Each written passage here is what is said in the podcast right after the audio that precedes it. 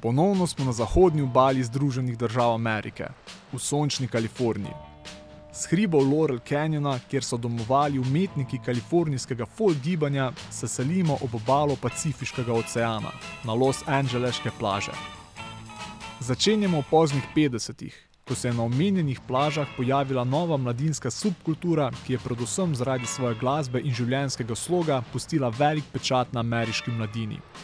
Govorim seveda o surferski subkulturi, ki iz lokalne kalifornijske zadeve v svetovni fenomen prešla predvsem po zaslugi glasbe in delno tudi filma. Le kdo se lahko upre prizorom neskončnih poletij in večnega sonca, na stotinam kilometrov plaž in na videzni brezskrbnosti, ki jo prinaša življenjski slog surferjev.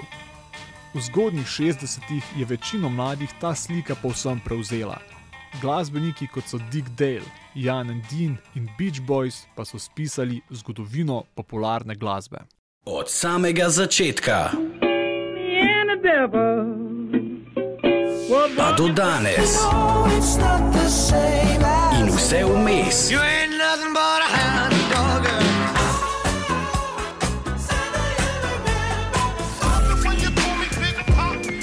Throw your hands in the air if you's a true player.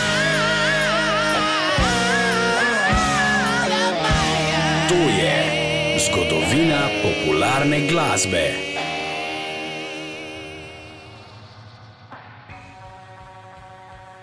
Za zlato obdobje surf glasbe veljajo zgodnja 60-ta, ko je lokalna kalifornijska subkultura skozi televizijske ekrane in radijske sprejemnike prodrla v celinske ZDA. To je bil čas, ko je Kalifornija postajala najbolj naseljena in ekonomsko najbolj razvita zvezdna država. Ameriški kulturni imaginari pa se je z vzhoda celine premaknil na zahodno obalo. Kalifornija je s svojim imidžem večnega poletja in pozitivnih vibracij postajala obljubljena dežela. Tako ne čudi, da so bili primarni poslušalci novega žanra predvsem zdolgočaseni najstniki iz širnih ZDA, ki so sanjali bolj zanimivo življenje na obali Pacifiškega oceana. Surfanje kot šport sicer prihaja z Havajev in je v Los Angeles prišlo po drugi svetovni vojni, ko so ga seboj pripeljali številni vojaki, ki so se vračali z vojne za Tihi ocean. V obdobju rasti srednjega razreda in suburbanizacije po drugi svetovni vojni pa se je surfanje uveljavilo kot atraktivna prostočasna dejavnost. Kot je značilno za povojne subkulture, so bili predstavniki surferske scene zlasti najstniki in mladi odrasli. Predvsem je šlo za belce srednjega razreda, ki so živeli v bližini Pacifiškega oceana. Imeli so dovolj denarja, da so si lahko privoščili surf, ter tudi dovolj prostega časa za druženje na plaži in krotanje valov. Nedolgo po svoji formaciji je subkultura dobila tudi lastno glasbo. Surf rock se pojavi konec 50-ih kot specifično južno-kalifornijska zadeva. Glasba je derivat rock'n'rolla in rockabilja, ki poskuša v novo muzikalno konstelacijo vključiti vibe surferske subkulture. Muzika tako imitira občutek surfanja, jahanja valov ter absolutne sproščenosti, ki jo asociiramo s tem življenjskim slogom. Surf rock delimo na dva sloga, ki sicer predstavljata točko spora med ljubitelji tega žanra. Vse se je začelo z instrumentalno glasbo, ki jo puristi še vedno razglašajo za edino pravo surf muziko. Inspiracija začetnikom žanra so bili predvsem instrumentalni rockeri kot je kitarski virtuos Dwayne Eddy. Instrumentalni rock and roll ter predvsem inovatorji kot je Eddie so bili glavni vir navdiha za surferje, ki so iskali načine, kako v glasbi izraziti občutke, ki se pojavljajo med krtenjem valov. Tako ne čudi, da je sestava surf benda praktično enaka klasičnim rock zasedbam. Žanr je dokončno uveljavil električno bas kitaro ter hiter tempo. Še dodaten občutek podivjanosti pa so bobnari dodajali s svojimi vratolomnimi soli. Med njimi je nedvomno najbolj znan tisti z komada Wipeout skupine The Surfaris.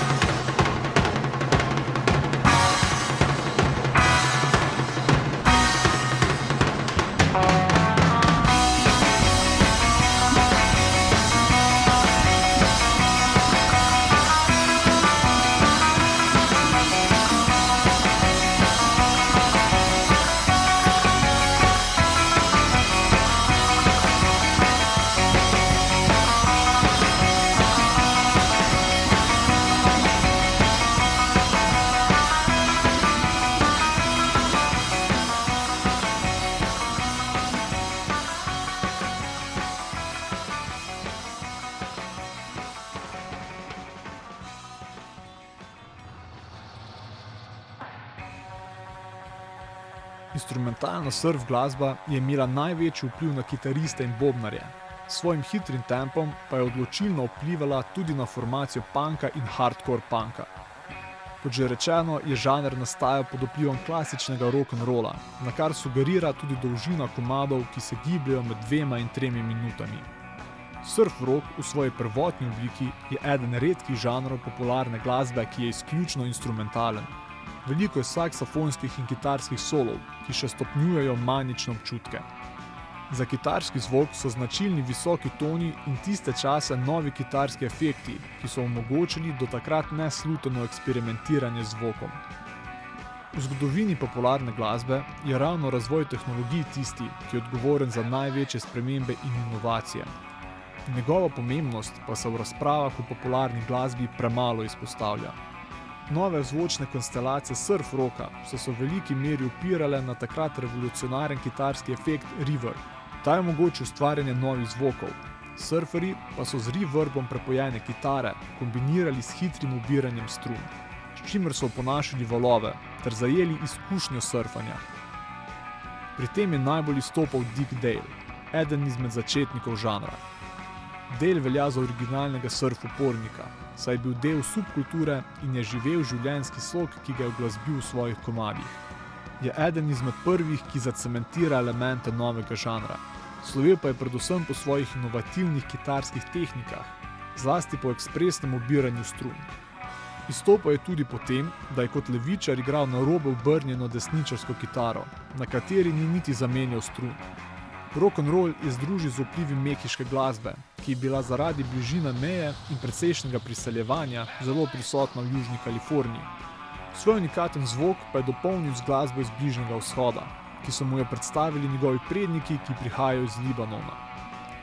Kljub številnim odličnim komadom, ki jih je del ustvaril, je bila izbira slednjega zelo lahka. Noben komad ne zajame duha surferske subkulture bolje kot Mizerlu. Po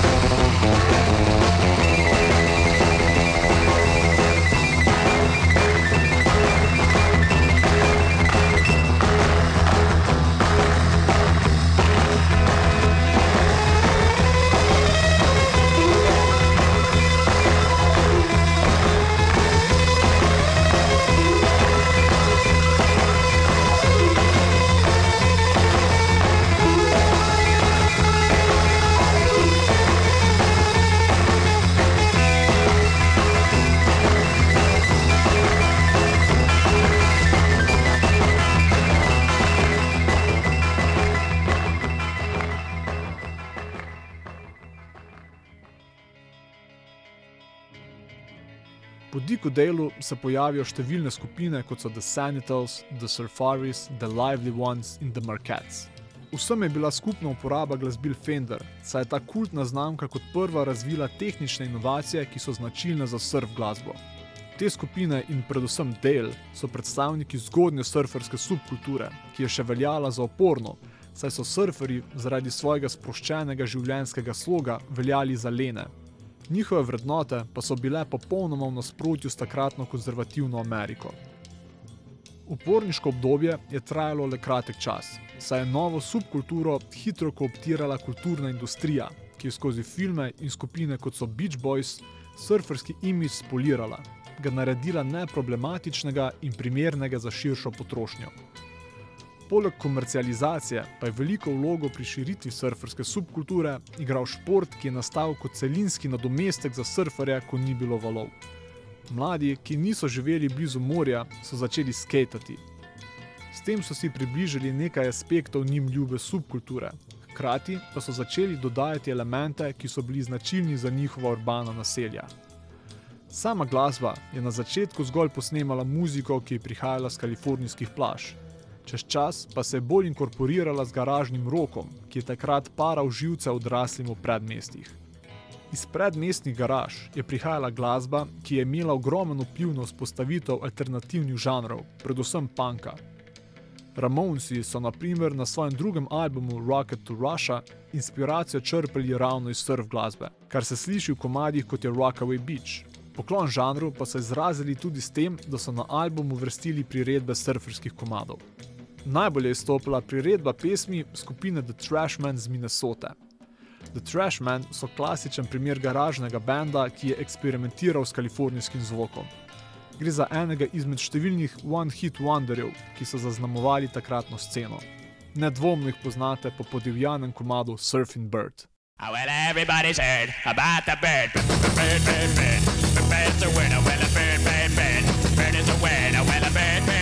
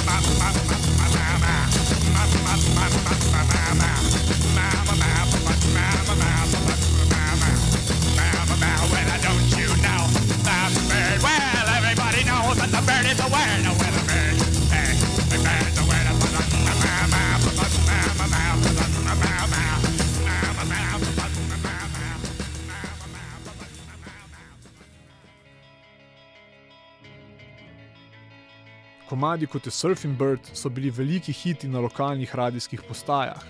Počasi pa so se prebijali tudi na vse državne glasbene lestvice.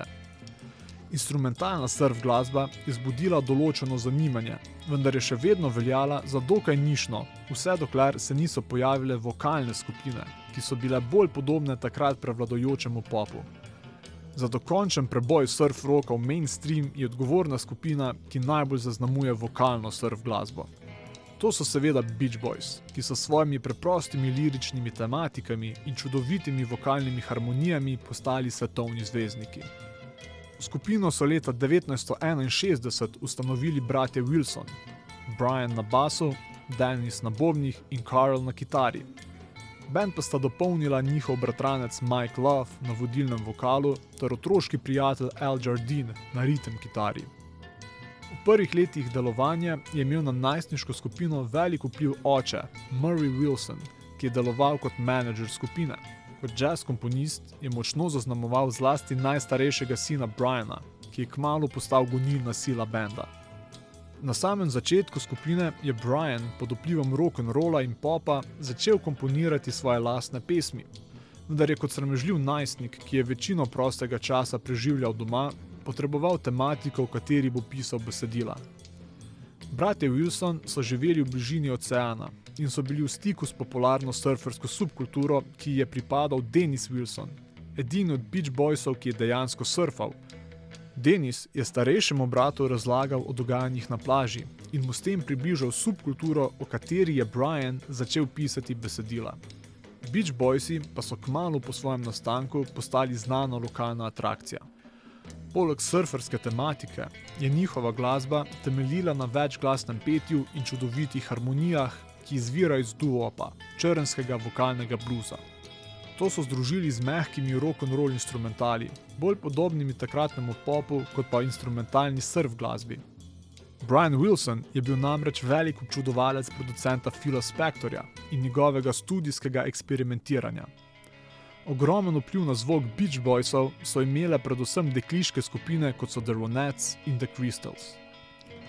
Z izjemo Denisa Wilsona, Beach Boysi niso bili povezani s surfersko subkulturo, ampak so jo zgolj opevali oddaleč.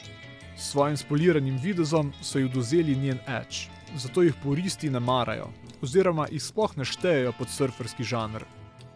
So pa ravno Beach Boys s svojo interpretacijo surf glasbe poskrbeli, da je ta postala popularna tudi izven Kalifornije. Svojo vokalno različico so imeli veliko večji vpliv na popularno glasbo, kot ga je imela instrumentalna surf glasba. Na vse zadnje so Beach Boys pred prihodom Beatlov veljali za najbolj popularno skupino v ZDA. Njihov prvi hit je bil komat Surfing USA iz leta 1963, ki se je uvrstil na tretje mesto nacionalnih glasbenih lestvic. S tem pa je do takrat specifično kalifornijski žanr ponesel domove po vsej državi. Komadi so navduševali ljudi, ker so opisovali življenje na plaži in soncu. Peli so v hitrih avtih in puncah v bikinih. Če si prihajal iz New Yorka, Chicaga, Bostona in si zmrzoval v snegu pri minus desetih stopinjah, se ti je zdelo življenje, ki so ga opisovali Beach Boysi, še kako privlačno. Najbolje, da tudi sami iz hladnih zimskih mesecev pobegnemo na vroče kalifornijske plaže. Beach Boys in Surfing USA.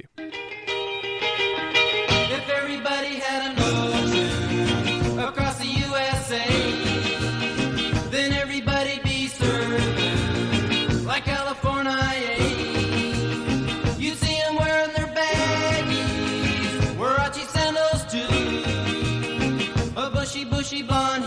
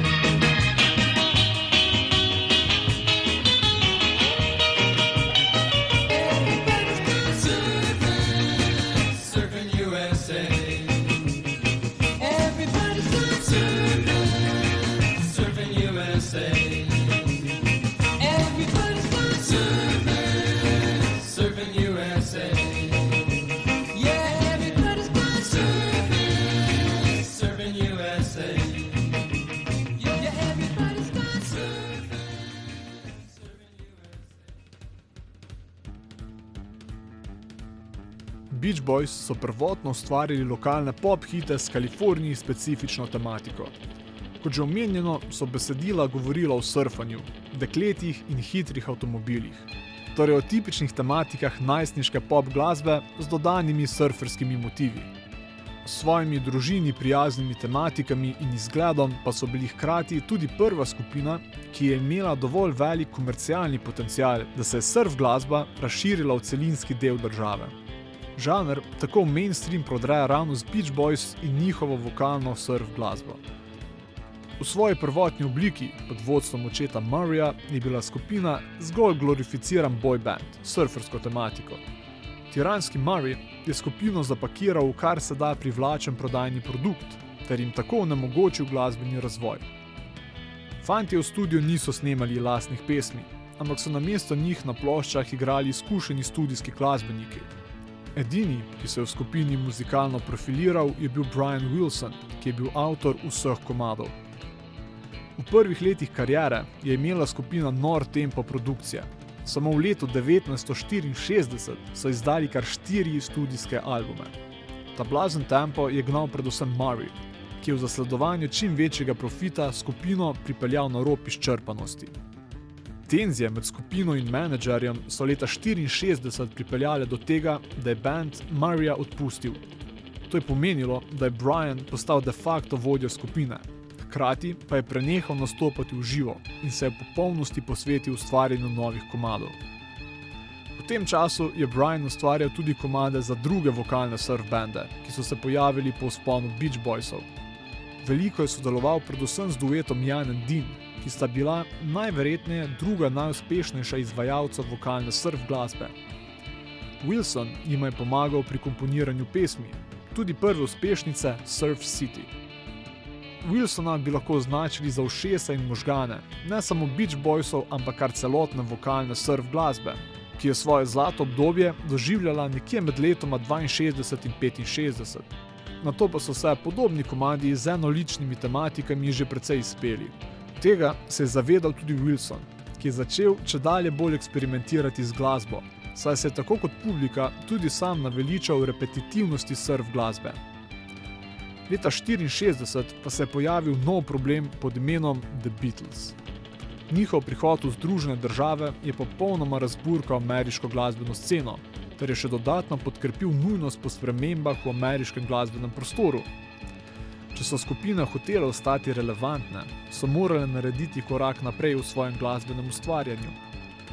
Kljub veliki glasbeni revoluciji, ki se je zgodila po prihodu skupin britanske invazije, pa to še ne pomeni, da je surf rock izginil z radijskih valov. Na Billboardovi lestvici najboljših 100 komadov iz leta 1964 najdemo tako Beach Boyse kot tudi Jana in Dina s komadom Little Old Lady from Pasadena. It's Pasadena.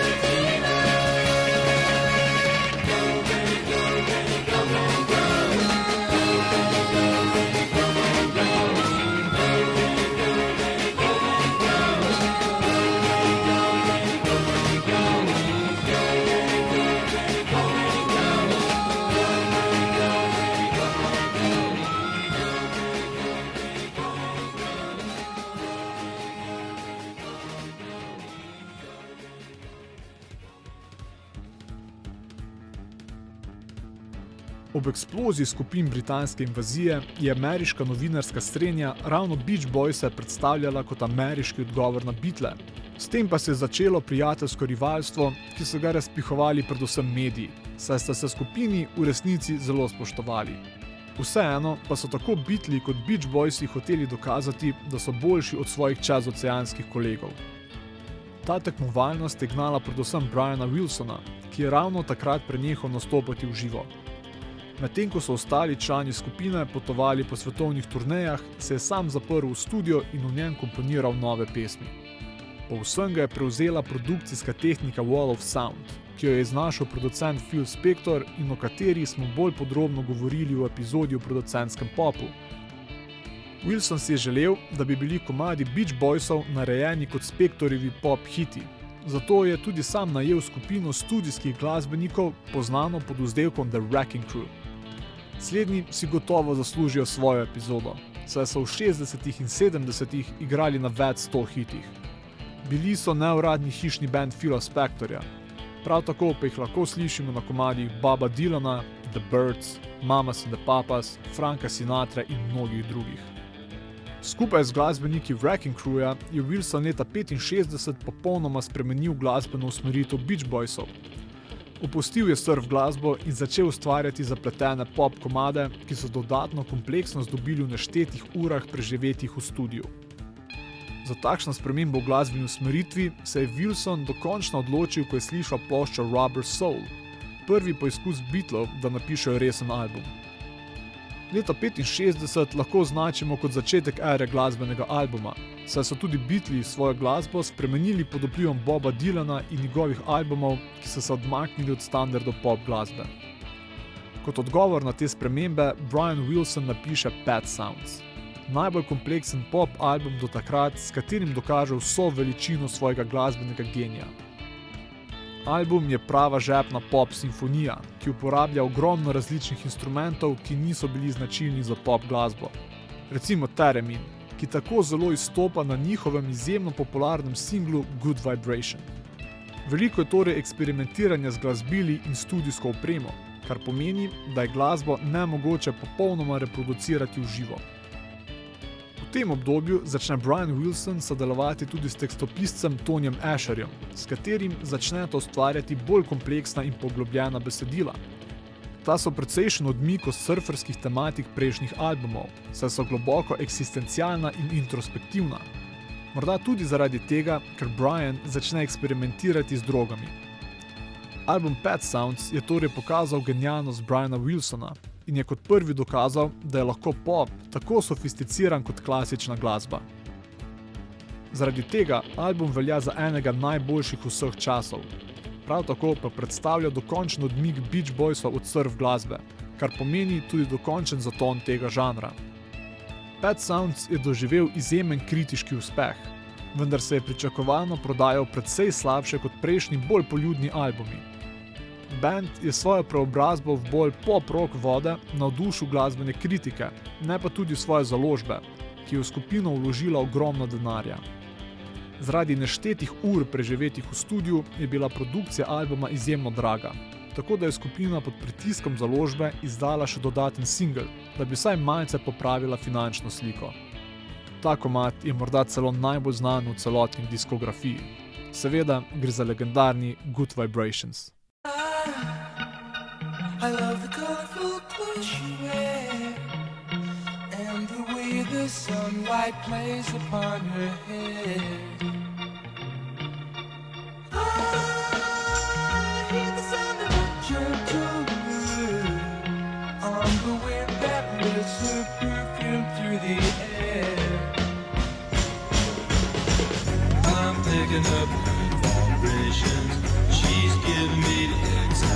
i'm vibrations. Good vibrations. Good vibrations. Excitation.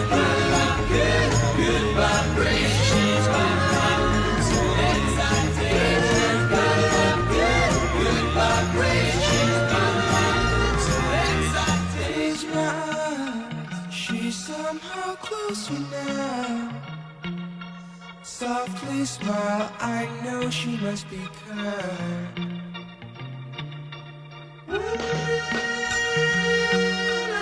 in her eyes, she goes with me to a blossom room.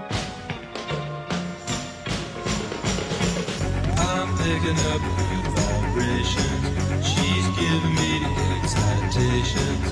I'm picking up good vibrations. City.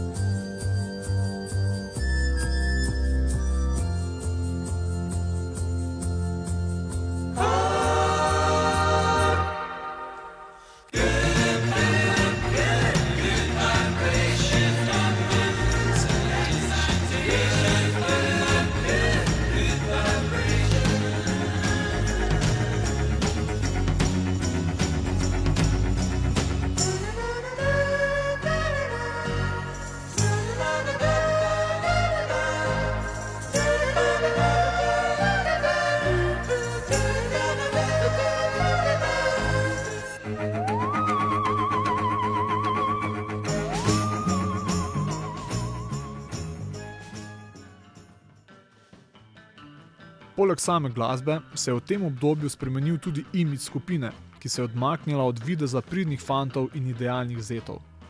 Do leta 65 so bili trženi kot kalifornijski zlati fantje, na katerih ni bilo nič transgresivnega. Pod vplivom kulturnih sprememb pa so si, tako kot drugi glasbeniki, tudi Beach Boysi pustili daljše lase, brade in zalisce.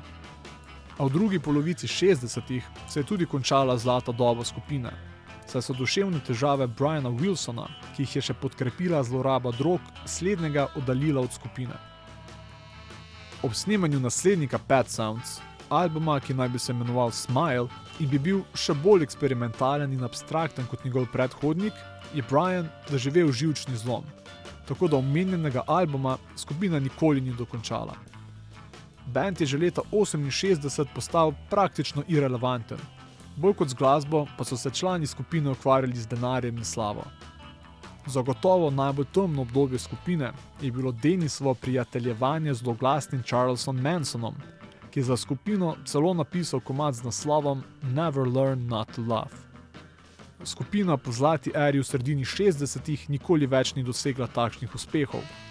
Je pa v 80-ih ujela val nostalgije po 50 letih, ki je zajel državo. Ponovno so igrali razprodane koncerte, ki so jih popestrili s hitom Kokomov.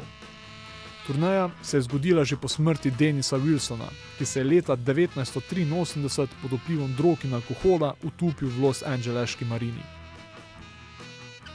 Beach Boys so bili edini band surferske scene, ki je ostal relevanten tudi po sponu skupin britanske invazije, saj so svoj zvok prilagodili novim trendom. Ostali surf glasbeniki pa so počasi zdrsnili v anonimnost. Surf glasba je tako svoja zlata leta doživela v zgodnjih 60-ih, ko si je delila glasbene lestvice s producentskim popom. Veliko oživitev pa je doživela v 90-ih, skoraj izključno po zaslugi Quentina Tarantina, ki je v filmu Pulp Fiction uporabil več surferskih komadov, vključno z Miserlu, ki se predvaja v vodni špici. Kljub velikemu pomenu Beach Boysov in njihovi popularnosti, ti vseeno niso doživeli slave in prepoznavnosti britanskih skupin, ki so sredi 60-ih zasenčile svoje ameriške kolege. Večino svojega vpliva in poslušalstva surf glasba izgubi po februarju 1964, ko na newyorškem letališču JFK prvič v Združenih državah pristanejo Beatli ter s tem začnejo britansko invazijo. Tudi mi se bomo naslednjo epizodo preselili v Združeno kraljestvo, kjer bomo raziskovali začetke britanskega roka ter skupin, ki so zavedno spremenile popularno glasbo. Poslušali ste novo epizodo zgodovine popularne glasbe.